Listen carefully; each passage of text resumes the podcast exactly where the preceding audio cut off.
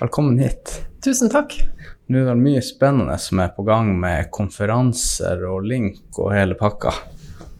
Ja, det er jo absolutt det. Jeg er prosjektleder for Link-konferansen som skal gå av stabelen 14. og 15. september. Så det er, det er ganske mye link i monitor nå for tida, for å si det sånn. Ja, Den har blitt utsatt men Jeg husker jo i fjor så skulle det være den her minilinken. Nei, hvordan var det her? Ja, det skulle være en minilink, og så ble ikke det heller. 2020 ble avlyst fullstendig, og man planla jo for å uh, ha konferansen i 21, men så ble det til en minilink, og så ble det også kansellert. Ja, det er jo fint at man får lov å gå igjen. Link er jo faktisk en av de synes jeg personlig en av de beste arrangementene i Alta når det kommer til næringslivet. i hvert fall, for at Der møtes jo alle, og det er god stemning, god mat på kvelden der. og Ja, det er en fin møteplass for, for folk. Ja, jeg har kun deltatt sjøl på Link én gang, og det var i 2018. Og da, da satt jeg igjen med akkurat det samme inntrykket som deg. Det, jeg følte meg veldig sånn, inspirert og motivert etter å ha vært der. Så jeg håper virkelig at vi klarer å gjenskape stemninga. Og eh, det er jeg sikker på at vi gjør, for jeg har med meg masse bra folk som har vært med på det her tidligere også, så, som hjelper og støtter meg i det her arbeidet. For det er ganske mye forberedelser til et sånt her arrangement? Det er mye mer enn man tror. Det er klart det skal lages et program, og man skal kommunisere med alle de som skal være foredragsholdere, og man skal finne samarbeidspartnere. Ikke minst så skal det jo markedsføres ut, sånn at vi kan få noen til å komme på, på konferansen. Og det skal finnes lokaler og mat og ja, you name it. Det er en milliard eh, sånne tråder å holde i. Men det, det er jo veldig artig, det også. Det er absolutt ikke et kjedelig oppdrag. Nei, nei det, blir, det blir knallbra der. Men hvordan er det? er det Du er jo ganske ny i denne her Link. Det er vel første gang du er med å arrangere det? Absolutt. Jeg er jo ny i jobben min i Jord i Nord også. Jeg begynte 1.2 som prosjektleder i Jord i Nord. Og så har jeg jobba og vært prosjektleder for Link-konferansen siden i begynnelsen av mai. Så ja, jeg er sylfersk på det. Hvordan, hvordan syns du det Har du mange spennende prosjekter nå på Orinor, eller er det hovedfokuset kun på, på Link? Akkurat nå så er hovedfokuset på Link for min del, og så er det litt annet, si, noen andre småting jeg holder på med. Men eh, nei da, det er, det er Dagene går med til Link. Nå er det jo bare knappe tre uker igjen, så Ikke sant, ja begynner å bli litt det skal, Det skal begynne å kjennes nå, ja. ja. Skal du være noe, skal du være sånn konferansier, eller? Jeg skal nok ikke være konferansier. Det, hvordan vi løser det, er ikke helt bestemt ennå, eller det vil ikke jeg si noe om akkurat nå, men, men jeg skal heldigvis ikke trenge å, å, å tenke på akkurat den, det oppdraget. Jeg skal mer kunne se på at konferansen går sin gang med litt lave skuldre. Så, så legger vi den praten på noen andre. Men vi tar jo sikte på at jeg kanskje skal være med på å ønske velkommen sammen med styreleder eh, Stig Hansen fra Ishavskraft. Men eh, det får vi nå se. Jeg gleder meg i hvert fall til å være vertinne for, for konferansen. Men hvem er det som eier denne konferansen? Er det Orinor, Ishavskraft og Alta Kraftlag? Det var tre av tre mulige rette. Ja, veldig bra. Stemmer det. Ja. Ja, de er vel mye involvert, eller er de mye involvert når det kommer til planlegging av prosessen, eller går mye av ansvaret over på de altså, deg sjøl, da? Ja. Link-konferansen er jo eid av Finnmarkskonferansen AS, som er et eget AS, som er eid av ja. de tre du nevnte. Og da har vi jo da et styre i det AS-et som består av representanter for de tre firmaene, eierfirmaene, og så har vi jo da også representanter fra de tre firmaene som stiller i programkomiteen. Men så er ellers oppdraget som prosjektleder, da er jo er leid inn da, gjennom jobben min i Nord. Så, så, ja, absolutt, vi sparer med eierne i stor grad. Ikke sant, Det er vel programmet, det er det som er mest arbeid å få tak i de her foredragsholderne. og da kanskje også er det mye diskutering på hva de skal eh, ta for å stille på de her arrangementene, eller er det noen som Nei, akkurat hvis det kommer til pris på de ulike foredragsholderne, så er det jo ofte sånn at de som i hvert fall driver med å holde foredrag på profesjonell, profesjonell basis, de har jo eh, de har jo gjerne en, en gitt pris, hva de skal ha. Og så må jo vi bare se hva vi har råd til. For det var det hun der Isabel Rad som var sist gang for noen år siden. Det vet jeg ikke. Isabel Ringnes har i Ja. Ringnes. Ja, det var hun jeg tenkte på. Rad. Jeg vet ikke hvor Ja. jeg fikk det fra. Ja, og hva, og hva hun kosta og ikke kosta, det aner jo ikke. Men eh, det er jo Det er jo noen som er dyrere enn andre. Det må være, jeg kan tenke meg det er- det må være en fin jobb når man er blitt komfortabel nok til å snakke foran folk, at det kan være det du livnærer deg av. Man kan bare snakke litt om dine erfaringer og historier. og jeg tenker Det er jo en, på en måte den enkleste jobben og den hardeste, på en måte, siden du trenger bare å snakke, men hva skal du si, liksom? Ja, er- ja, jeg tenker jo at det må være både sikkert artig og spennende, men også utrolig utfordrende. For i hvert fall hvis du Altså, du skal jo stå der og du skal få frem et budskap, du skal vise en motivasjon. Du må jo gjenskape deg sjøl hver gang med Altså, der må, må du selge budskapet ditt skikkelig hardt. Så, så jeg tenker at det, det passer dårlig å ha en dårlig dag på jobben når du skal levere. Og eh, ja, du må gi av deg sjøl ganske hardt, tenker jeg. Så nei, eh, jeg er glad for at jeg ikke er foredragsholder på heltid. Ja, er noen, det er fint å holde seg litt i kulissene også, og se de andre som går i flammer, ja. kan man si. ja. Men hva er Nå når, eh, når arrangementet er ferdig, er det en lang sånn evalueringsprosess? Ja, eller lang og lang. Vi håper jo at den evalueringa kan gå ganske Altså at vi kan få gjort den unna ganske kjapt. Nå har, har vi jo et ønske om å komme tidligere på ballen for Link 2023, så vi har jo allerede satt datoen for 2023, uten at jeg sier hvilken dato det er. Den, den lanseres under Link-konferansen. Men um, det var jo Vi kom litt seint ut av svingen med hele Link 2022. Og vi skylder skamløst på pandemien. Vi gjør det. Så Det var mye skal, skal ikke, og, og hvordan skal vi gjøre det her? Og skal vi gjøre det sånn som før, eller skal vi gjøre det på en helt ny måte?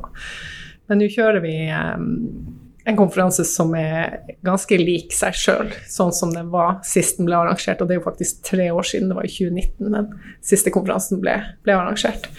Så, eh, nei, så jeg ser veldig frem til som prosjektleder å få en konferanse på ja, i sekken, sånn at jeg, eller under huden, så vil jeg jo i mye større grad kunne, kunne gjøre det her ja, på en enkel måte til neste konferanse. Ja, jo eh, jeg satser på å lære av mine feil, samtidig som jeg jo ikke håper at det blir så altfor mange feil, men noe erfaringslæring blir det jo. For når jeg, når jeg prøver å booke gjester i denne podkasten her, så er det to av tre, og i enkelte tilfeller kanskje fire, nei, én av Nei, tre av fire som sier nei, vi vil ikke være med på, på eller vi har ikke tid, og vi kan ikke, og alt det der. Er, det mange dere spør av de foredragsholderne som eh, eh, ikke har muligheten eller ikke har lyst til å delta? Er det vanskelig å finne foredragsholdere? Nei, jeg har vel kanskje ikke opplevd det at folk har sagt at nei, jeg har ikke tid. Det er klart Noen kan jo være dobbeltbooka, at de rett og slett ikke har plass i kalenderen. Men jeg har vel kanskje tvert imot opplevd at mange sier at å, for en hyggelig forespørsel, det, det vil jeg gjerne prøve å få til. Så har jo noen kommet tilbake senere selvfølgelig og sagt at sorry, dobbeltbooking, får det ikke til.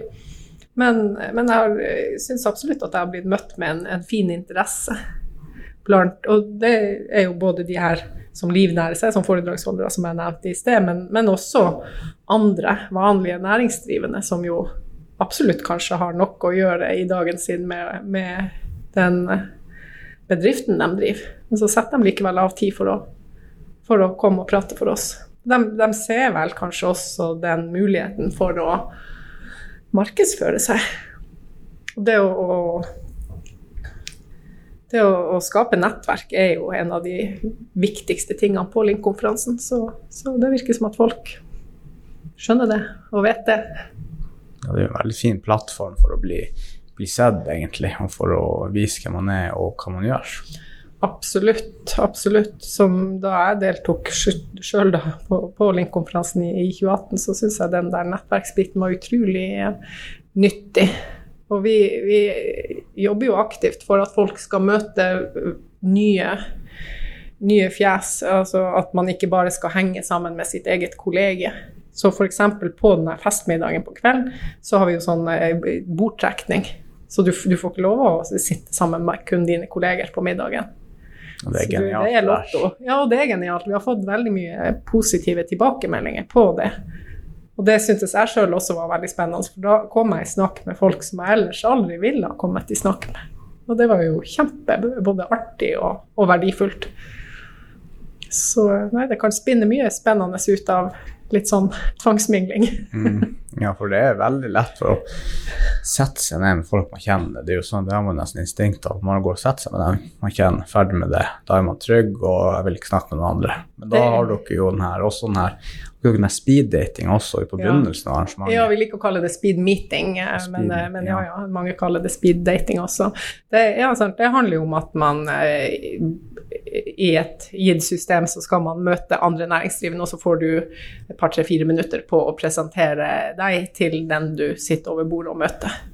Og den er jo også veldig, veldig verdifull. Det kan komme mye, mye bra ut av sånne korte møter. Og da har du jo også brutt isen kanskje med en del mennesker som du kan ta opp tråden med og snakke mer med i pausene senere i konferansen.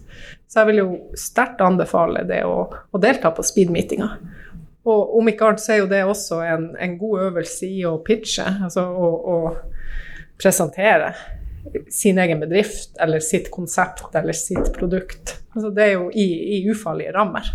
Og det å, å øve seg på å, å, å selge seg litt, det, det tenker jeg at vi alle kan ha godt av. Så um, gå for en pitching i trygge omgivelser og bli med på speed- speed-meetinga. Ja, det blir som en sånn her uh, elevator pitch det kalles, at man gjør ting på ett minutt. Jeg tror det er noe Å ja. ja. Så ett minutt på pitchen. Jeg skal få litt mer enn ett minutt, kanskje. Ja, det er Eller- kanskje like greit. Ja. Men jeg husker jeg, jeg deltok på den sist. Det var veldig bra å få uh, miksa litt, og da fikk man jo sagt hei til mesteparten av folk, og det hjelper jo også på middagen senere, ikke sant. Man Ja, sant, da har du allerede en, en liten plattform når du går inn i konferansen. For at det er jo jeg er helt sikker på at det er mange flere enn meg som stiller med en liten sånn der at man føler at det er litt første skoledag, man føler seg litt usikker, det er kanskje mange man ikke kjenner, i hvert fall hvis man er ny i næringslivet. Så eh, så, så er det nesten litt skummelt. Man føler seg litt sjenert. Mm. Og da kan det jo være greit å ha truffet noen andre på, på speed-meetinga. Så er man ikke så alene likevel. Jeg synes det er veldig artig med de bildene dere tar også der. Det syns jeg er god stemning og en fin ting å poste i sosiale medier etterpå. Ja, Frank Rune er jo en veldig god samarbeidspartner i Frikant. Så um, det, det, det blir mye artige bilder og filmsnutter ut av en sånn dag. Ja, det er dere flinke å markedsføre det arrangementet. Det skal gå bra. Ja, takk for det. Høy kvalitet. Takk for det. Jeg sender den eh, videre til han Frank Rune. Og tar en bitte, bitte liten del av verden sjøl. Men hvordan er det her? Hva, hva gjorde du egentlig før du begynte i Orinor som prosjektleder? Oi. Skal vi gå tilbake til 1975 og Elvebakken, eller skal vi ta en Vi liten kan sånn Vi tar den litt sånn kortversjonen. Vi vi kan jo egentlig gå helt tilbake. Vi har god tid. ja, jeg er født i 1975 i Alta, Alta-jente, og har opp gjennom livet bodd mange andre steder på min vei. Alt fra Jeg har bodd i Mexico og i Bodø og Bergen og Karmøy og Vadsø og Kjøllefjord og ja, i det hele tatt. Hammerfest, ikke minst. Jeg har bodd eh, mange år i Hammerfest. Og, um, men jeg fortsetter å komme tilbake til Alta. Svalbard har jeg også bodd. Så eh, i utgangspunktet så utdanna jeg meg til politi, og jobba en del år i politiet. Eh, Deriblant også her i Alta og, og i Hammerfest. Og så eh, ble jeg litt sånn forsynt av det og tok en pause fra politiet. Jeg skulle bare ta noen måneder pause og dra en tur til Australia. Men eh, så ble den pausen permanent. Den har jo vart nå i snart 15 år. Ja.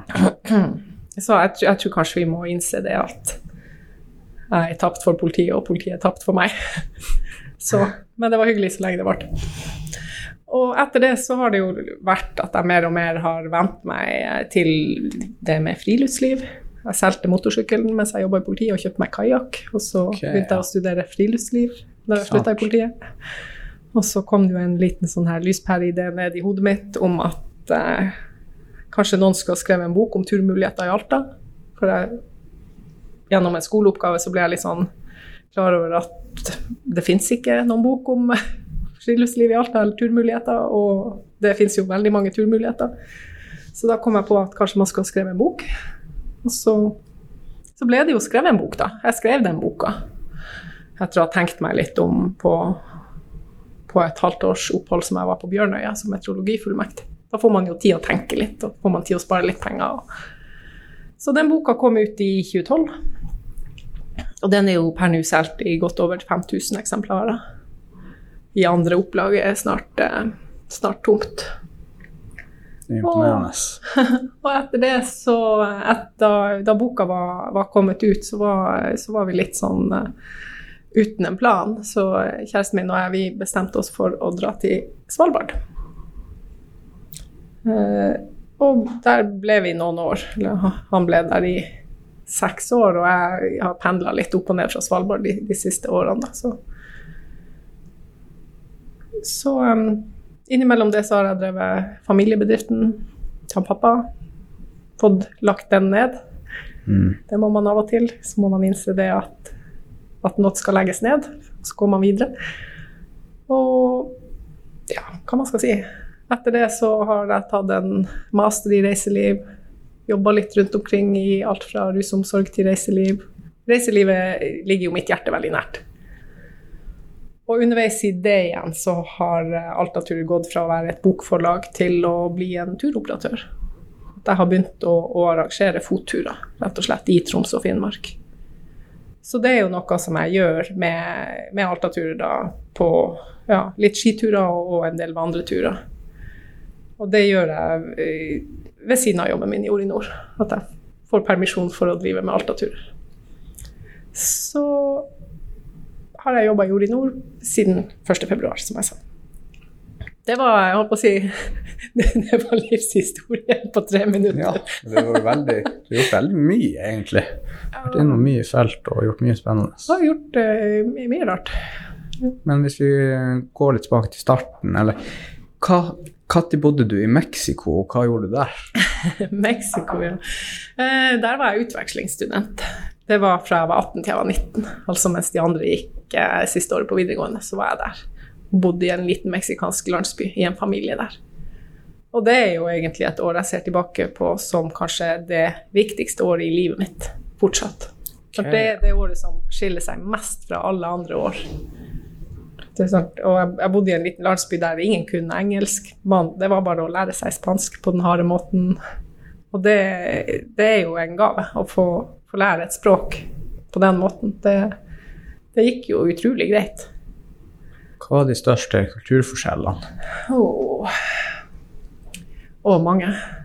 Eh, Mexico er jo et land med en machokultur. Det betyr jo at menn eh, både bestemmer mye og ja, at eh, jentene skal gjerne være ganske hva man skal si, ikke så veldig selvstendige, og de skal gjerne bare dingle etter det mannene sier at de skal gjøre, og de er litt sånn Skal gjerne beskyttes litt av mannfolkene. Og, og jeg som ganske sånn selvstendig 18-årig jente, jeg syns jo det var veldig rart å plutselig komme dit og måtte forholde meg til innetider og, og, og, eh, og uselvstendighet.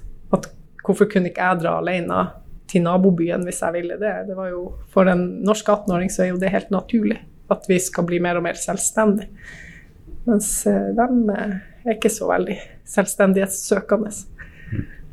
Så, men jeg har fortsatt kontakt med vertsfamilien min, og flere av dem har vært på besøk her i Norge, og det har vært utrolig artig å ha den kontakten med seg videre i livet.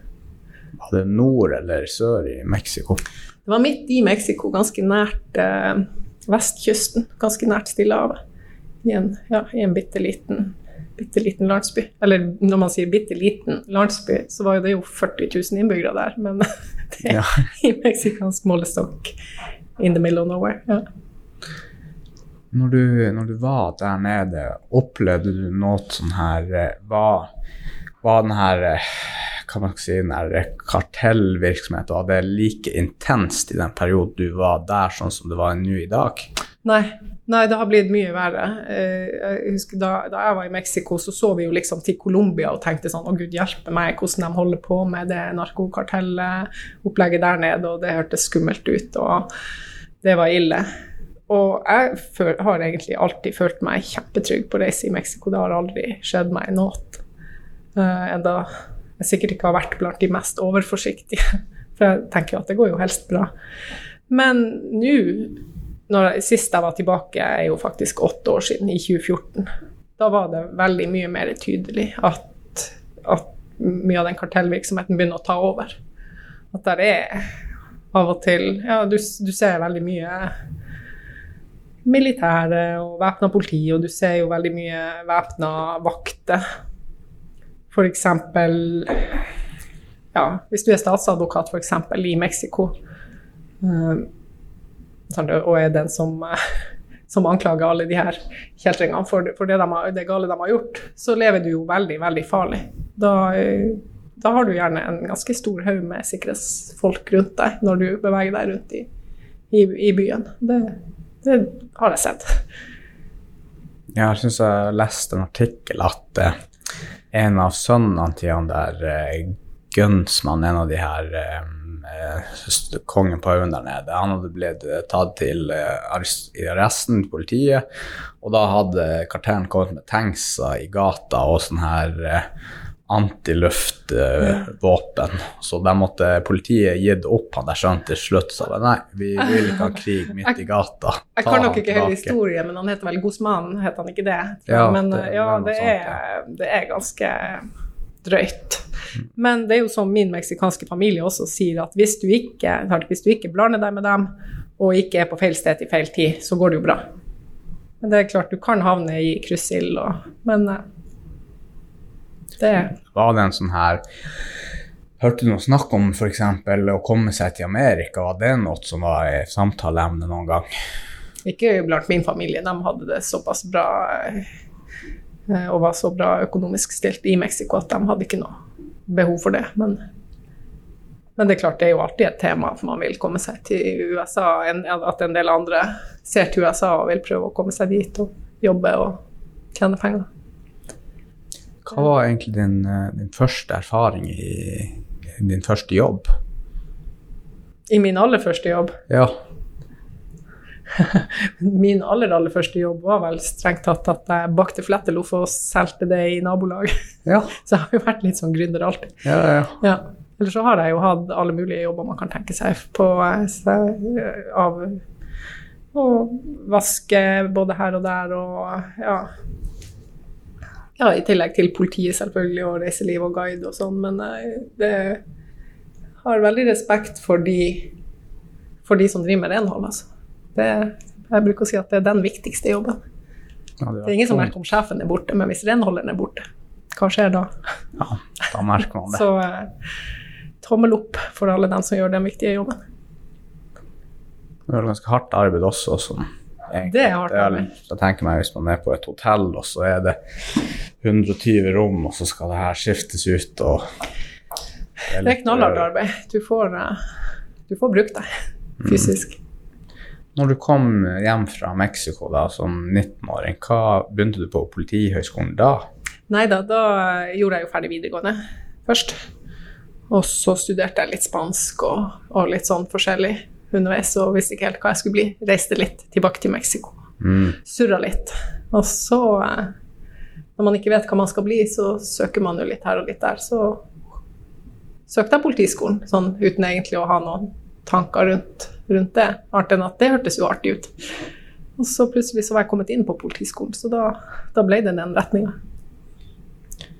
Hvordan uh, begynte du å jobbe i Alta som sånn aspirant?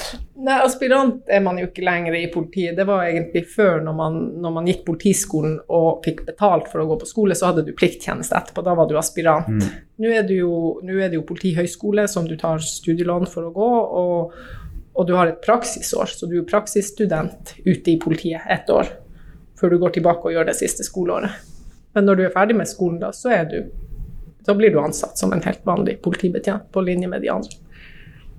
Men jeg jobba da jeg var helt nyutdanna, først i Lebesby og så i Vadsø. Før jeg kom en sving innom Alta, og, og så hoppa videre til Hammerfest. Da har du vært innom alle byene. Ta det, ja, ja, ja, nå må vi ikke glemme Kirkenes her. Og Vardø, for den saks skyld. Og et par til. Men eh, ja, jeg har i hvert fall fått et lite sånn tverrsnitt av eh, Finnmark. Og jeg er jo veldig, veldig, en veldig glad og stolt borger av Finnmark. Og det, det kan jo lett bringe meg over til den her, all, all den eh, rivaliseringa imellom, imellom steder i Finnmark. Det syns jeg jo er veldig trist. For jeg, jeg har jo bodd ja, som sagt fire år i Hammerfest, og jeg er jo kjempeglad i Hammerfest. Og ja, jeg blir litt lei meg av, av at det skal rivaliseres så mye. Men skjer, jeg lurer på om det skjer overalt, uansett hvor man er. Er ikke det en greie for bare menneskets natur? Og du, det er dem, og det er oss, og Jo da, litt sånn her godmodig rivalisering, det er det vel. sant? Tromsø og Harstad er vel også sikkert erkefiender. mm. Sånn, og det stikker sikkert, sikkert ikke så dypt.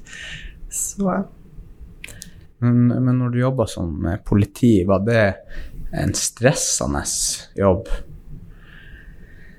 Ja, tidvis er det jo kjempestressende, og tidvis så skjer det jo ingenting. Og ting har jo gjerne en tendens til å skje litt oppå hverandre. Mm. Så, og de siste par årene jeg jobba i politiet, så jobba jeg jo som operasjonsleder. Og da er det jo på en måte den som den som har det operative ansvaret for hele politistyrken i det politidistriktet. Det var jo Vest-Finnmark politidistrikt da jeg jobba. Så da, da, var det jo liksom å disponere styrkene og bestemme når man skal rykke ut på, på, ting og sende folk dit, og ja, være den som svarer på nødsamtaler. Og, det er klart, en sånn natt til, typisk natt til søndag, så kan det jo koke ganske mye på den sentralen. Så du skal jo ha Du skal klare å holde tunga rett i munnen. Ja, jeg kan tenke meg den som tar de telefonene, ja, og kan oppleve mye, mye folk i desperate situasjoner, og det kan vel ta på Absolutt. helsen. Det er jo en grunn til at jeg ikke jobber i politiet lenger. ja. Ikke det er kanskje like så greit. Ja, jeg ble litt sånn Det var jo eh, mange tøffe skjebner man måtte møte, og den følelsen av å ikke ha ressurser nok til å gjøre en så god jobb som jeg ønsker. Så jeg ønska jo liksom å hjelpe alle mye mer enn det vi hadde tid og anledning til, og det var ganske vanskelig. Ja, at du må Ja, du får masse får masse å inn, og så kan du velge én til to av dem og hjelpe, og resten må egentlig bare nei. Ja, du må, du må, velge, du må velge bort en del ting, men så må du også kanskje velge å være kortere tid på hvert sted før du må haste videre. Du kan liksom aldri få bora noe særlig i, i dybda på det. Det er liksom du, du hjelper bare med nesten brannslukking. Hvordan er det? Er det vanskelig å få hvordan kunne man fått mer ressurser til politiet? Det er vel kanskje en Åh, politisk sak? Jeg vet ikke om vi skal gå helt langt inn i den diskusjonen, men eh, nei, altså, det er jo myndighetene. Eh, altså, styresmaktene, myndighetene får jo den polititjenesten og de tjenestene som de er villige til å betale for. Det gjelder jo egentlig helse, og det gjelder jo politi, og det gjelder eh, skole, og det gjelder alt. Og hvis vi ja, er vi ikke villige til å bruke mer penger på det, så, så er det sånn vi har det. Da er det sånn det blir, ja. Da er det sånn det blir. Det er vel ganske enkel matematikk, egentlig. Men jeg kan tenke meg det er bedre å være litt ute i naturen enn å aldri stresse med det der. Men hvordan eh, var det denne boka som eh, gjorde at du starta Alta-turer? Og for den som ikke vet, kan du fortelle Eller du fortalte jo kanskje litt i sted om Alta-turer, at dere driver med gåturer og skiturer? Ja, jeg fortalte jo egentlig i sted om det. At, at uh, først at Alta-turer var et forlag. Altså jeg ga ut den her turboka på eget forlag. Og, og, så var jeg egentlig man skal si, fornøyd med det. Og så var det litt sånn tilfeldig at, at jeg arrangerte en, en, vandretur for noen damer i det kvinnelige ledernettverket Kvann. At jeg bare arrangerte en tur på Seilaren for dem. En tur fra boka. Og med på den turen så var det jo flere damer som, eh, som, som eh, har god kunnskap til reiselivet. De ble så begeistra at de, var, de heia på meg. Så Lise, du her, det her kan du jo tjene penger på. Hvorfor arrangerer du ikke fotturer for flere enn oss? Så fikk jeg litt sånn tenning på det at ja, vi kan jo prøve å se om det er noen andre som vil være med på fottur. Og, og det var det jo, til de grader. Veldig, veldig mange lokale stort sett damer, men også noen menn, som gjerne ville være med på at jeg ordna med båtturer, ordna med overnatting og ordna med guiding. At man bare kunne få beskjed hvor man skulle møte opp, og så var resten fiksa. Og etter hvert som vi hadde gått noen turer over Seileren, så kom mange av gjestene tilbake og, og, og var litt sånn eh, Lise, hvor vi skal neste gang? Vi vil mer på tur. og da eh, ja, så hadde vi det gående. Da måtte jeg jo finne på en ny tur. Da ble det Sørøya som ble det neste turmålet. Det med å gå Fyrvokterveien på Sørøya. Og sånn, det her har jeg holdt på med nå siden 2017. 17, 18, 19, 20, 21, 22. Det er jo faktisk sjette sesongen. Så det er jo enkelte gjester som har vært med på både seks og syv turer faktisk. Så det er jo, jeg føler jo nesten at jeg er på tur med venner, egentlig, når jeg er på tur med gjester. Det er jo mange jeg har blitt godt kjent med. Man får jo veldig mange gode samtaler av å drive og gå i naturen sammen. Ja, det er sånn walk and talk. Bare, det er walk and talk, det er så bra. versjon, slett. det er det, absolutt. Man kan komme veldig nært hverandre på sånne, på sånne turer. Og, nei, så jeg kommer ofte hjem på søndagskvelden dødssliten, men med et smil om munnen. Ja, for hvor mange, hvor mange forskjellige turer er det man kan melde seg på nå? Uh, jeg har Hva jeg har nå? Seiland, Sørøya, Rolfsøya uh, Skulle det begynne å stå stille allerede, så har jeg Koppartinntraversen, det er i Kvænangen. Og så har jeg øyhopping i Kvænangen. Og så har jeg nå Reisadalen en ny tur av året. Den gikk jeg for første gang med gjester nå forrige helg, faktisk. Og så om et par helger da, så skal vi også ha en tur til Nufsvåg med en gjeng som har vært med på alle de andre turene. Så ja, holdt du tellinga? Ikke jeg heller. Ja, Fem-seks, kanskje. Noe sånt i den duren. Ja. Så eh, nei, det, det er veldig artig. Men på de, på de, lengste turene du holder når du går til fots, hva er det du sier til dem som skal være med når det kommer til forberedelse? Forberedelse av turen, hva man må tenke på å gjøre? Nei, de får jo ganske detaljerte sånne selvfølgelig instrukser fra meg, både på pakkliste og på, på, alt mulig hva de må tenke med på å, ha med seg. Men jeg bruker jo gjerne å si at dere må ha gått en del før dere er med. Og er det en topptur, så må man jo gjerne selvfølgelig ha gått. Man må være i form, sånn høvelig. Og nei, ellers også bruker jeg å si det at vi kommer til å få kjenne på egen slitenhet. Det, det må man tåle, at det er litt vondt på slutten av dagen hvis det er en lang tur. Det, men nei. Ellers så sier jeg vel ikke så mye annet enn at det her blir bra. Vi ja. håper på godt vær. er det noen gang det har vært tilfelle at noen av deltakerne har gitt seg under turen og sagt nei, du går ikke lenger, det blir her bast og bom? nei, det har faktisk ikke skjedd. Det har ikke det. det. det. har nok vært noen som har vært ganske nært når oppoverbakken har vært litt vel lang. Når, og opplevd det som uendelig. Men eh, nei, jeg har klart å lirke folk med meg. Og også når det gjelder de her nokså bratte passasjene som kan være litt vanskelig for enkelte, bl.a. på Sørøya på, på Fyrvokterveien, så, så, bruker jeg å prøve å sette litt sånn æra inn på at jeg skal søren meg få dem med meg ned. Så da limer jeg meg ganske tett på de som har litt høyderedsel, og, og holder dem omsorg i hånda. Er det noen gang du må ha sagt nei til at noen skal bli med? Uh, nei, egentlig ikke. Jeg innser at jeg kanskje ved et par anledninger skulle ha gjort det. Da jeg var helt ny i bransjen. Men, uh, uh, men jeg har ved noen tilfeller så har vi i fellesskap blitt enige om at nå går dere på den, den flate Nå splitter vi lag, og så går dere dit, og så går resten av gruppa på, på det som er litt sånn oppoverbakke. At de ikke får bli med på det mest anstrengende delen av turen. Men eh, det, sånn er det jo av og til, hvis man ikke er helt i god form. For du har vel ganske mye å tenke på når du er ute. Du må jo motivere de her til å fortsette å gå, du må lede dem i riktig retning, du må passe på at alle er med. Det blir jo litt sånn her som en barnehage og følge altså, med den, den motiveringa, den er Altså motivasjon, det stiller, folk stiller jo med proppfull eh, Altså masse motivasjon. De har jo vært helt frivillige sjøl å melde seg på denne turen. Så den trenger jeg heldigvis ikke. Det er jo eneste det der med at man, at man tror at man ikke skal klare. Kanskje det er litt sånn manglende sjøltillit på, på, om man blir å klare turen, klare strabasene.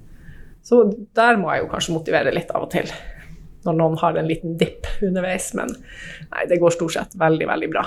Er ikke noe Vi kan ikke sammenligne det med barnehage i det hele tatt. Når er det her fulltidsjobb? Jobben? Eh, Nei, fulltidsjobben min er hos Orinor, og så må vi se Det er faktisk um, altså, Du har jo ikke vandresesong tolv måneder i år uansett. Sånn at sesongen til Altatur er jo maksimalt juni, juli, august, september. Snart at der er fire måneder, knapt. Og så har du, kan du jo gå over vidda i mars og i april. Da er du oppe i seks måneder. Og selv jeg syns vel kanskje at, at det å ha seks måneder ferie blir litt mye. Så for meg så har det vært veldig positivt å komme inn og få jobb i Orinor og, og få lov til å kombinere det med Altaturet. For at i Orinor både så har jeg en del andre arbeidsoppgaver, og det ikke minst det å ha et kollegie. Sant? Ikke bare sitte på hjemmekontor. Mm. Så, så det har vært eh, veldig bra. Så jeg har nok ikke et ønske om at Altatur skal være en fulltidsjobb, for da eh, bruker jeg meg sjøl opp også. Da blir man plutselig Hva man skal si Man klarer ikke å gi av seg sjøl til gjester hvis, hvis det blir for mange turer. Da vil min entusiasme Da vil det bli veldig tydelig at min entusiasme er avdabbende. Og det, det blir ikke riktig. Bruker dere noen av de fjellhyttene? Hva du tenker på som i I overnatting, f.eks. Noe av um, Altså av Sånn fjellstuene? Ja, fjellstuene. Det- fjellstue. Ja, ja, ja, Ja, altså når vi går over, vi går over vidda um, på ski om vinteren, så er vi jo på Jotka Mollysjokk og Ravnastua eller Gjergull eller ja, og bruker de. Og nå når vi går også den turen på, gjennom Reisadalen, så er vi jo innom ei hytte ved Reisavaren som vi leier oss inn på, og så bruker vi jo DNT-hytte da, nedover i Reisadalen. Så, ja da. Men hvordan er det? For at eh, er ikke det mye arbeid å skrive en bok? Ja, i hvert fall når man ikke har gjort det før. Det var masse arbeid, og i hvert fall når jeg bestemte meg for å gi boka ut på eget forlag, for at jeg tenkte som så at jeg skal i hvert fall lære alt det her sjøl. Og så er jeg jo kanskje litt sånn um, kommersiell i tankegangen også, at jeg, hvis jeg skal gjøre alt arbeidet, så skal jeg faktisk tjene alle pengene sjøl også. Men hvis du gir ut en bok på et forlag, så sitter de for det første og bestemmer veldig mye, og så har, gjør du hele jobben, og så tar de en veldig stor andel av pengene også. Og jeg tenkte at jeg kan gi ut boka på eget forlag, siden nedslagsfeltet likevel er kun her i Alta. Mm. Så da lærte jeg på den harde måten eh, hvordan man gjør det. Og det var kjempelærerikt og veldig artig.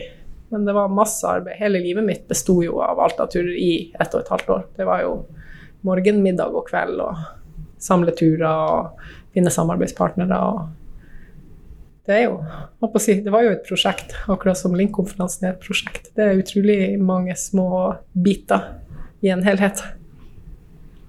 Det er veldig bra at du kalte den Altature, og så kalte selskapet også Altature. Det er jo perfekt egentlig med tanke på markedsføring. Ja, jeg må vel innrømme at jeg brukte ikke så mye tid på å bestemme meg, det var bare sånn det, var bare sånn det ble. Din mening. Altature. Det er jo så, så enkelt og greit du får det, egentlig. Det er veldig enkelt. Hvordan var det når du vant denne eh, Kvan- Kvan-prisen? Å, ja, det var jo Det var vel tilbake i 2012, tror jeg. Boka hadde vel kanskje akkurat kommet, eller var i ferd med å komme. Så da bestemte de i Kvann at jeg skulle bli tildelt Kvannprisen, så det var jo en utrolig hyggelig anerkjennelse. Det var jo faktisk før jeg sjøl ble medlem i Kvann, Å ja, til og med. Det er jo, det er jo veldig greit. Mm. Nei, så eh, absolutt en hyggelig anerkjennelse. Det å, det å bli sett for et arbeid man har gjort. Det, det, jeg sier det satte jeg kjempepris på. Ja, for det var på grunnlag på Altatur-boka, rett og Ja. slett. Ikke sant? Mm. Men eh, har du noe eh, fritid? Har du fritid nå, eller er det Altatur som er din fritid? Det spørs kanskje litt hvem du spør, men det Jeg har kanskje litt lite fritid akkurat nå.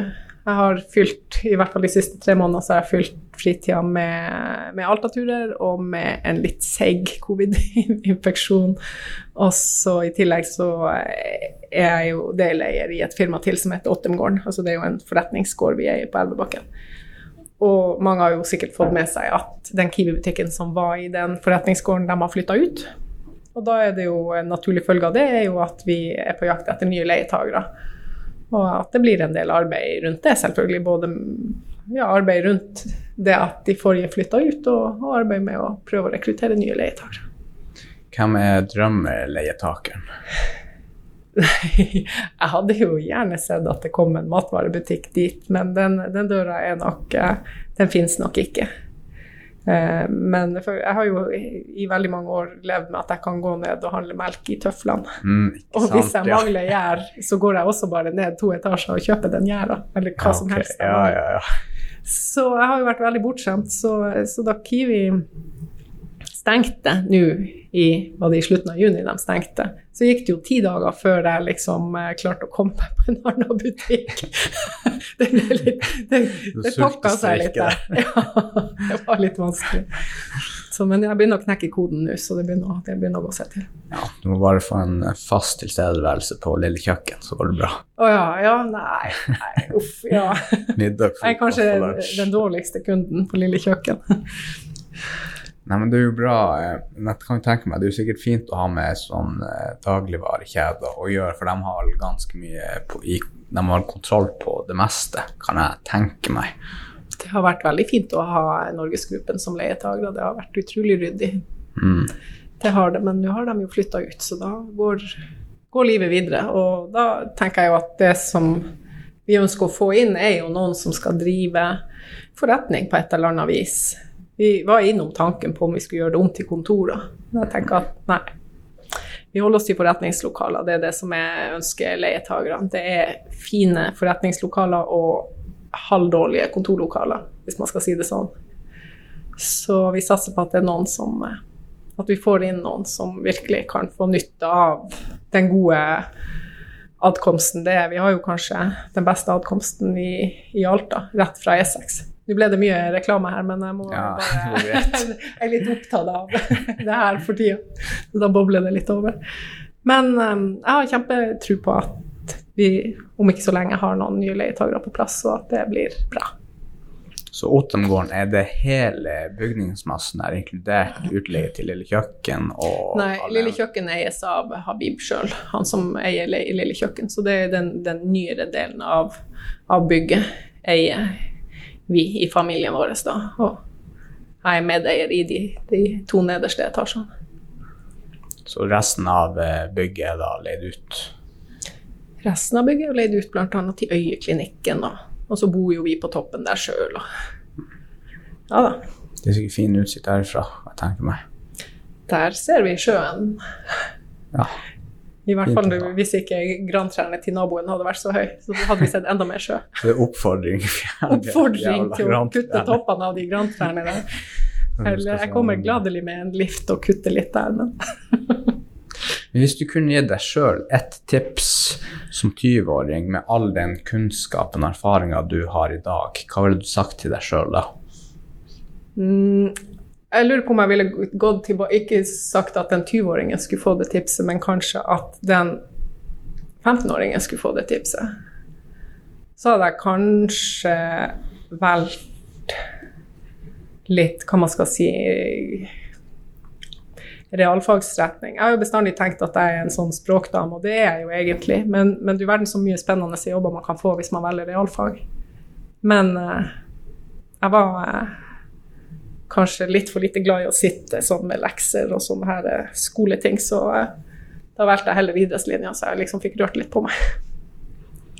Men det var kanskje riktig for Lise, 16 år, det også, for så vidt. Men at man kunne sikkert vært litt flittigere med skolearbeid. Det har jo gått veldig bra med deg nå fortsatt. Jeg lander på beina alltid. Det, og det er jo veldig mye artig som har skjedd, fordi at jeg har gjort ulike valg og møtt ulike mennesker, selvfølgelig, som oss alle her i livet. Det, det, de eventyrene på Svalbard eh, og Bjørnøya og ja Det ville jeg jo ikke vært foruten. Jeg har hatt utrolig mange rå naturopplevelser der oppe. Er det noe annet du har lyst til å promotere når det er her utenom Åttemgården? utenom Åttemgården og Altatur og, og, ja. og, meg sjøl og Ling.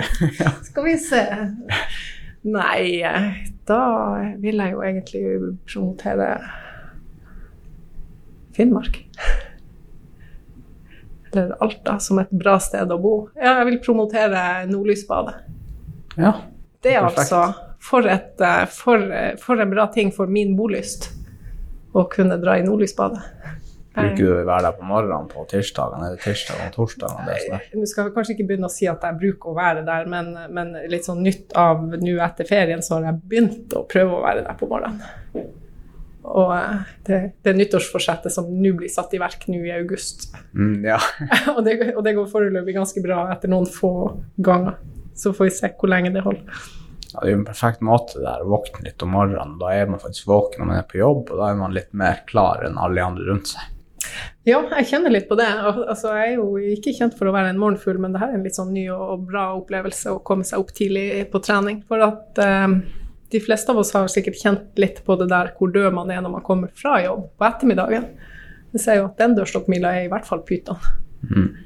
Så Nei, så tommel opp for nordlysbadet. Det var, var jo en periode for sikkert to år siden så var jeg der i hvert fall tre, fire, fem ganger på ett år. Og det var bra opplevelse. Mesteparten av folkene der satt jo bare i stampen og kosa seg. Men noen var og svømte der. Så det var variert hva folk gjorde. Ja. Det skal sies at det av og til så svømmes det ikke en meter. Men da har jeg gjerne vært ute og løpt i forkant, og så er det bare rett i badstua. Ja, det er jo perfekt. Det kan man også gjøre. Ja, men da vil jeg egentlig eh, takke deg for at du tok tida ut av en travel dag for å komme og snakke litt her på podkasten. Det var veldig hyggelig. Ja, takk for praten. Det var hyggelig å være her. Greit. Ha det bra, alle sammen.